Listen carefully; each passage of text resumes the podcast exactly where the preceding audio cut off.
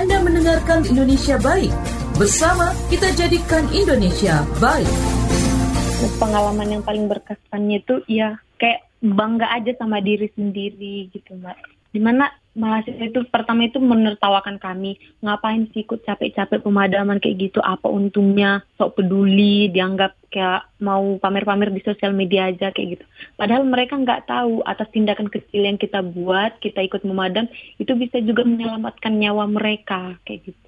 Padahal asap di situ sudah banyak mereka masih nggak peduli tapi satu kebanggaan lah pada diri sendiri gitu.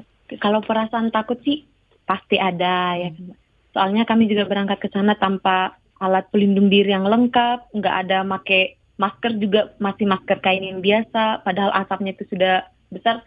Di situ nggak terlalu dipikir lagi ke dalam diri dan nanti kalau aku sakit nggak kayak gitu lagi.